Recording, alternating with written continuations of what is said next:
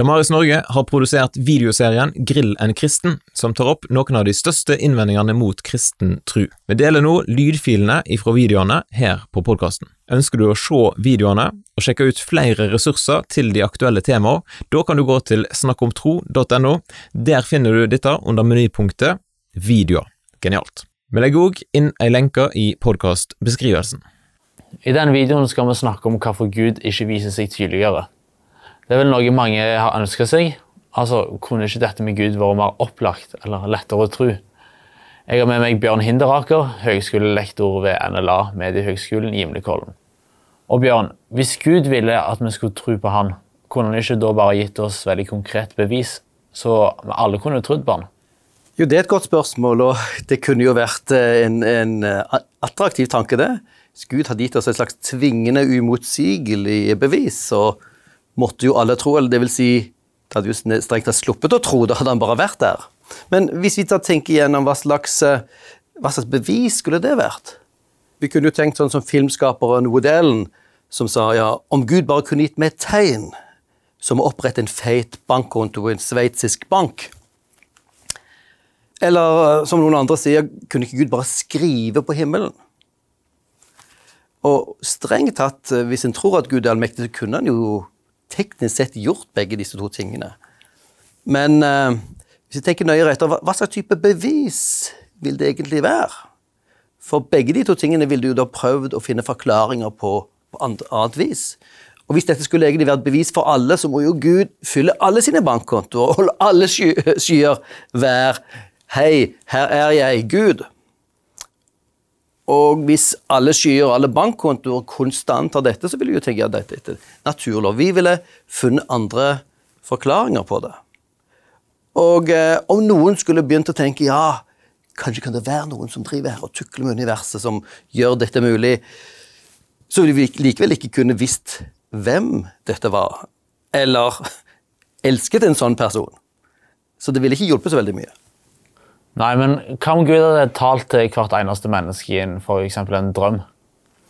Ja, Det er interessant at du nevner akkurat det, fordi det fortelles ganske mye i dag om uh, men mennesker i dag som opplever drømmer og, og møter Jesus, f.eks., og så går de til en kirke, og så, og så, lærer de om den kristne troen. Men man skal merke seg det at, at uh, det er ikke drømmen i seg selv som skaper troen i disse fortellingene. Det er drømmen som ansporer til å spørre og til å søke. Og så søker man til en kirke, man leser i Bibelen, og så kommer troen. For eh, drømmene i seg selv er jo ikke noe sånn særlig tvingende bevis, eller særlig overbevisende. ikke sant? Fordi i etterkant du tenker ja, men det var jo bare en drøm.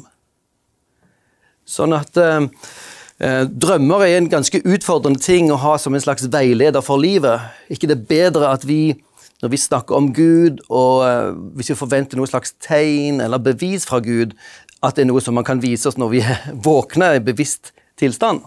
Ja, for nå har du liksom snakket litt om drømmer, men hvorfor kunne ikke bare Gud gitt oss noen sterke opplevelser eller sterke følelser? Vi hører jo folk som har fått det, og hvorfor kunne ikke alle fått uh, sånne ting? Og Det ville gjort, gjort det mye lettere å tro. Ja, kanskje det, men, men, det er jo en utfordring med dette med følelser og opplevelser. For det første så, så svinger jo våre følelser. Det er noe av det mest bevegelige i universet. Sant? Den ene timen så er vi høyt oppe, og den andre timen er vi langt nede. Følelser og opplevelser er en veldig subjektiv ting. De svinger, de er ganske upålitelige, vi har veldig forskjellige opplevelser og følelser. Og så, og så er det slik at disse følelsene må alltid tolkes. Hva betyr de jo egentlig? Og skulle Gud bare gått rett inn i følelsen til hver og en av oss, så ville det vært en total forvirring, for hver og en av oss måtte jo da tolket disse opplevelsene på vårt subjektive vis. Hvis vi kan finne noen annen måte å hjelpe oss å tenke ja, hva er det egentlig dette betyr? Hvem er det egentlig dette er snakk om, denne her guden? Så jeg, jeg tror dette med opplevelser og følelser er en, en ganske utfordrende ting, i hvert fall å basere et tro på en gud på. Mm -hmm. Så hvis vi legger til, til side tanken om eh, beviser og drømmer og sterke opplevelser, så kan kanskje bare Gud vise seg? Jo, det er et spesielt problem med den kristne forståelsen av Gud her. Fordi at uh, den, den kristne troen på Gud er at han er skaperen av alt. Det betyr at materie, tid, eh, vi, hele universet, er skapt av han. Gud selv er ikke materie, han er ikke en ting, men han har skapt alt andre. Og Det betyr at de sansene vi har, som å se og føle og høre, de er skapt for å, for å høre og sanse det fysiske universet vi har rundt oss. De er ikke til for å fange opp det som er ut forbi universet, Gud som er ånd. Så Derfor kan ikke vi kan ikke forvente at den Gud som den kristne Bibel snakker om, at den er en slags ting vi kan fange og kjenne på med våre fingre. Det må være på et annet vis han eventuelt gjør seg tilgjengelig eller kjent. Ja, interessant, for Hvis Gud er usynlig, er det ikke sånn at det, det er i grunnen det samme som at han ikke eksisterer? For Hva er forskjellen på at eh, vi ikke kan observere Gud, og at han ikke eksisterer? Ja, det er jo også et godt spørsmål som ofte stilles i dag fra, fra, en del moderne mennesker som tenker at det å, det å eksistere, det bekrefter du alltid med våre sanser. Men det er jo nettopp det det store spørsmålet. Er hele virkeligheten det vi observerer med våre sanser? Et godt eksempel er vår eh, fornuft, eller din fornuft. ikke sant? Jeg kan ikke kjenne på den, ikke, det er ikke noe du kan måle og veie og, og sånt. For å få kontakt med din fornuft og din tanke, så er du nødt til å sette ord på det og formidle det til meg. Sånt.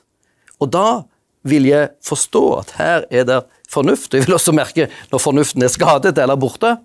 Men, men, man forholder seg til fornuften på en annen måte enn til materien. Og litt sånn som det med også med Gud, som er bort forbi materien. Sant? Han har skapt, og han holder alt oppe. Men, men du fanger ikke Gud inn i materien. På samme måte som jeg blir ikke kjent med deg bare gjennom å måle og veie deg fysisk. Jeg blir kjent med deg gjennom at du setter ord på hvem du er gjennom din fornuft. Eh, og så ja, lærer jeg å kjenne hvem du er. Mm -hmm. På, på hva slags måter er det Gud viser seg da? Altså Hvordan åpenbarer han seg for oss mennesker her på jorda?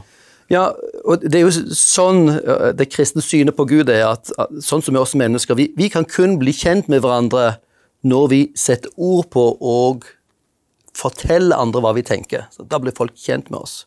Og det er tilsvarende måte også kristne tenker om uh, Gud.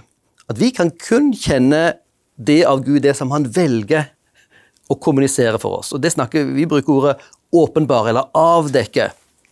Så Gud som, som formidler dette til oss.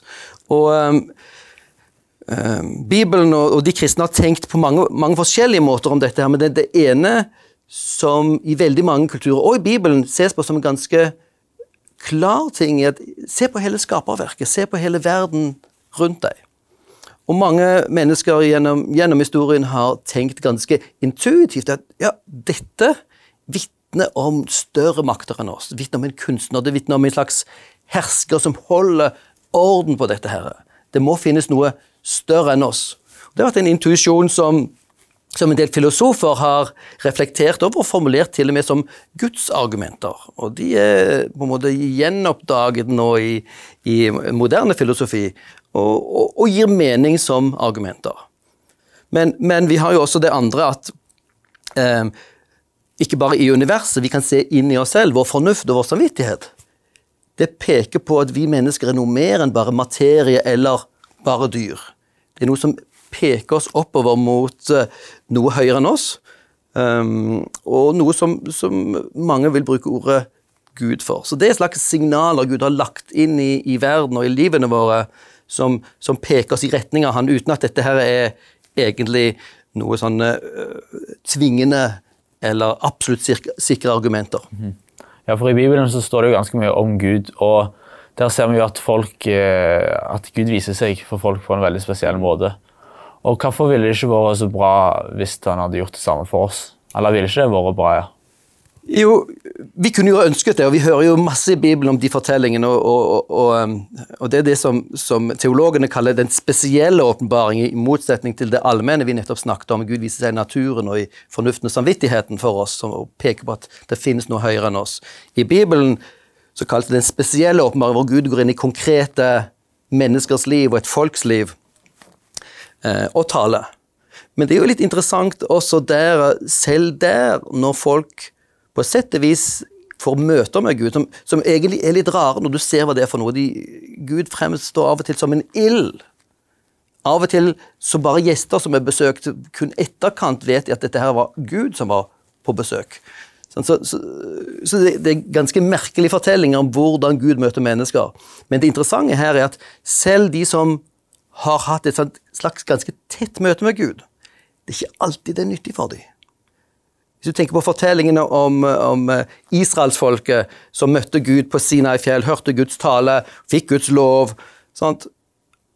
Det hjalp de ikke, for de falt fra ganske snart etterpå. Så det Gud møter noen og gir noen noe, det er ikke nok for, for det som vi virkelig trenger. Ikke bare å vite at det finnes noen, men å tro på og holde fast ved. Ja, for Hvorfor viser han ikke seg tydeligere enn det han gjør for oss? Eller hvorfor viser ikke Gud seg tydelig? Ja, ja, Det er jo faktisk et, et, viktig spørsmål, selv om vi har sagt alle disse andre tingene. For vi kunne jo ønske at Gud hadde vist seg enda tydeligere. Uh, og, og, og, det er litt interessant her, for, for, for, en del filosofer har jobbet med det begrepet som vi kaller Guds skjulthet. Og eh, vi ser for oss at det, det, kan tenkes at Gud har noen gode grunner for faktisk å skjule seg. Ok, Men hva er de grunnene? Det som man har tenkt på, For det første kan vi se for oss at eh, det å møte Gud er en veldig overveldende ting. Så skulle Gud møtt oss sånn som han er i sitt vesen, så ville vi være helt overveldet av hans nærvær. Sånn at, sånn at vi egentlig vil, vil, vil, miste vår frihet i valget. Det, så um, det er en, en uh, illustrasjon på dette som, som en uh, konge som forelsker seg i en blomsterpike. Men han vet hvis han kommer med sitt kongelige slep og sitt kongelige, kongelige hoff ned til denne piken for å spørre om, om, om hennes hånd, så vil jo hun være helt overveldet av hele opptoget, hvem han er, og rikdommen og mulighetene, sånn at relasjonen til han blir et stort spørsmål. Er det dronning hun vil være, eller er det han hun elsker? Og denne fortellingen går sånn at ja, for å vinne hennes hjerte, så kler han seg som en fattigmann, og så går han bort til blomsterpiken, blir kjent med han, og, og bygger relasjon, og så spør om hun vil gifte seg. Og når hun da sier ja, så vet han at det er han hun elsker, ikke rollen eller rikdommen hans. På samme måte kan man si litt at, at uh, når Gud ble menneske, så kledde han av seg noe av denne prakten som ville overveldet oss. Og vi kan selv gjøre det valget. Er vi interessert i relasjon til denne guden? Eh, og Det er jo det som Gud først og fremst er interessert i fra vår side. Ikke bare at vi liksom aksepterer at det er en eksistens her, men han ønsker en relasjon til oss. Og Det er det, det, er det første. Det andre temaet her er, er, dette med vår frihet. Hvis Gud skulle dytte seg på oss, være så nær oss hele tiden at ikke vi får noen distanse, så vil også vår frihet være begrenset. For, sånt. Eh, og Derfor snakker noen om at det at Gud skjuler seg for oss også kan være et rom for oss for å gjøre våre frie valg som mennesker. Uh, og, og, og, den tilliten som vi trenger. Så når du er helt, uh, helt ansikt til ansikt, så, så, trenger du ikke den tilliten som du trenger når du, når du er fra hverandre. Så Det er også for å gi rom for, for frihet uh, og tillit. Og så er det tredje tema som filosofen Pascal løftet fram. Han var jo en av de store geniene på 1600-tallet. Matematikkgeni. Han oppfant uh, regnemaskinen. Um, han var også en betydelig filosof og døde dessverre veldig ung. Han uh, tenkte veldig mye på dette her med Gud, og han uh, hadde i sin ungdom vært borte fra Gud og, og, fikk en radikal omvendelse. og Etter det så har han skrevet mye filosofisk om dette med Guds eksistens. Og han sier dette at um, et av vilkårene for å virkelig møte Gud, er ydmykhet. Hvis ikke vi er ydmyke, hvis vi kommer inn her som sjefene og kongene og dommerne, da har ikke vi forstått realiteten av hvem Gud er og hvem vi er. Så for faktisk å lære å kjenne Gud, så kreves det ydmykhet. Og derfor, sa Pascal, derfor har Gud også skjult seg noe for oss. For det krever en viss ydmykhet til oss, en slags erkjennelse at vi ikke er sjefen og herren her. Og Pascal selv formulerte det sånn at Gud har gitt nok lys for de som ønsker å tro på Gud, til å tro på ham. Og samtidig har han gitt oss nok mørke til å kunne vende oss bort hvis ikke vi ønsker en relasjon til ham. Ja, for jeg har hørt det er mange som kan slite med å begynne å tro, og de får det ikke helt til. Hvorfor er det så vanskelig å tro? Ja, jeg tror ganske mange mennesker opplever det vanskelig å tro på et gud, eller tro på Gud, men det kan være mange forskjellige ting som er vanskelig å tro på. En ting som jeg eh, syns er litt interessant, det er til spørsmålet om Gud finnes, om hvordan vi skal tro, klare å tro på det, spesielt her i Vesten. Jeg har vokst opp litt i Afrika, og, og jeg har sett dette litt fra den andre siden. Og selv de høyt utdannede, intellektuelle menneskene i, eh, i mange afrikanske land, de har veldig store problemer med å forstå ateismen. Hvordan går det an å tro at det ikke finnes en gud? Så hvor kommer vi da fra? Hvem har skapt dette? her? Hva skjer etter døden? Hva med vår fornuft? Er vi bare som dyr? Det er vanskelig å tro. I den konteksten så det er vanskelig å tro at det ikke finnes en gud. I vår kontekst er det vanskelig å se for seg at det finnes en gud. Og Poenget her er at det er jo helt uavhengig av egentlig argumentene våre, men det sier noe om det tankemessige bakteppet i vår kultur som er sekulært. Og spørsmålet er, er, til oss kan være er, er, det de moderne, sekulære brillene som er blitt helt doggete for oss i Vesten, som gjør at vi ikke ser det som for en del andre kulturer er ganske opplagt? Kanskje ikke det er så helt opplagt for oss, men det kan være at vi kan se noe hvis vi vil se det fra andre perspektiver. Men hva vil du si til de som sier at uh, jeg har bedt om svar, men jeg har ikke hørt noen ting? Og jeg har forsøkt, men jeg føler ikke noe. Kanskje bare Gud gir noen tegn på at han fins? Ja, og Det er et spørsmål som uh, vi kan møte ganske ofte. Folk som ønsker å tro, men syns ikke de får det til. og De syns ikke det funker. Uh, og jeg tenker det er en uh, viktig spørsmål å lytte til. Det, det første jeg vil si, er ikke baser denne troen på noen følelser eller opplevelser. Sørg for at hvis du skal tro på en gud, la det være fordi du søker sannhet. Finnes han virkelig? Hva er grunnene for å tro det faktisk finnes en gud? Og ikke la øyeblikkets følelser eller opplevelser liksom styre hva vi tenker om dette. For Det er interessant at det er jo det reklamen jobber med. Det går rett inn i følelsene våre uten å konsultere intellektet vårt. Det er manipulasjon. Gud ønsker ikke å gå den veien. Gud møter oss på følelsen, men uten å kjøre over tankene våre. Han ønsker vi skal søke sannhet. Og Jesus sier han er veien, sannheten og livet, og jeg vil jeg utfordre folk til faktisk å utforske Jesus. Det er som denne her fortellingen om han som krøp rundt på fortauet under en lyktestolpe og lette etter nøklene sine, og så kommer det en mann bort og spør ja, hva er det du kryper her for? Jo, jeg ser etter bilnøklene mine. Ja, hvor var det du mista de henne? Jo, det var helt der borte. Men det er så mye bedre lys her, så jeg vil heller lete her. Poenget er at når vi skal søke etter sannheten, må vi søke etter den der han er å finne.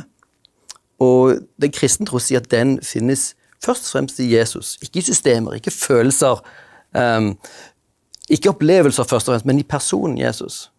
Og Jeg vil utfordre folk til faktisk å, å utforske det og stille spørsmål. Ja, er Jesus virkelig var han en virkelig person? Eh, det er sant at han døde og sto opp for meg. Hvis han gjorde det, så lever han jo faktisk i dag, uavhengig av hva jeg føler. Uh, og Det tenker jeg det er en viktig ting å få på plass først. Jeg er god grunn til å tro det. Så det er mange andre ting som faller på plass i etterkant. Og så er det jo uh, dette her også med at, at man føler at dette ikke, kristen tro ikke funker. Og jeg vil, Hvis du er en oppriktig søker, så vil jeg tenke for det første jeg har undersøkt disse tingene omkring Jesus. Hvem var han, og sto han faktisk opp fra de døde? Og så vil jeg også oppfordre til å, å, å vurdere og forsøke å leve som en kristen, hvis du virkelig skal ta dette på alvor. Det betyr å søke etter Gud der han er å finne. Du søker i Bibelen, du søker hos Jesus. Du går inn i kristne fellesskap. Du ber. Um, og jeg tenker, Når man lever i, i disse tingene som, som, Gud egentlig har sagt oss, næring for troen, ok, da vil troslivet vokse. Jeg kan ikke love følelser. sant? Og det er ikke Gud, sikkert Gud er så spesielt interessert i det. Av og til så kommer de også. Men det er mye sunnere å ha de som en bivirkning av en god relasjon, enn å begynne med følelsen og se hva det egentlig ender opp med. Ja, Dessuten vil jeg si at uh, det er ikke så konstruktivt å bruke bønn som en test på om Gud finnes. For både er det jo sånn at når, når man får det som man føler bønnesvar, så vil man i etterkant alltid lure på ja, hadde det skjedd uansett. Er det egentlig noe man kan basere seg på? Uh, jeg tror sånne ting er ganske ofte veldig subjektive ting. For det andre så, så er det jo slik at, at uh, vi skal ikke bruke bønn som en, en, måte å manipulere og tvinge Gud på. Sant? Hvis ikke du nå stiller opp her nå, så, så stikker jeg. Sant? Bønn er ment å være en relasjon til den levende Gud. Han ønsker å høre hva våre hjerter er fylt av, hva vi trenger. For det åpner oss også opp for, for Han. Så det å, øh, å, å, å leve i bønn og bruke bønn er en veldig sunn ting. Og når man da f.eks. bruker bønnene som vi finner i, i Bibelen, både i Nytestamentet og Gammeltestamentet, så ser vi hele mangfoldet av den menneskelige erfaring av sorg og smerte, forvirring og lengsler og takk. De finnes der, så de setter ord på mye av det livene våre går ut på. Uh, og, og bruker ikke bønn som et sånn maktmiddel mot Gud, men det åpner oss mot Gud. Tusen takk, Bjørn, for veldig opplysende svar. Det var veldig kjekt å snakke med deg.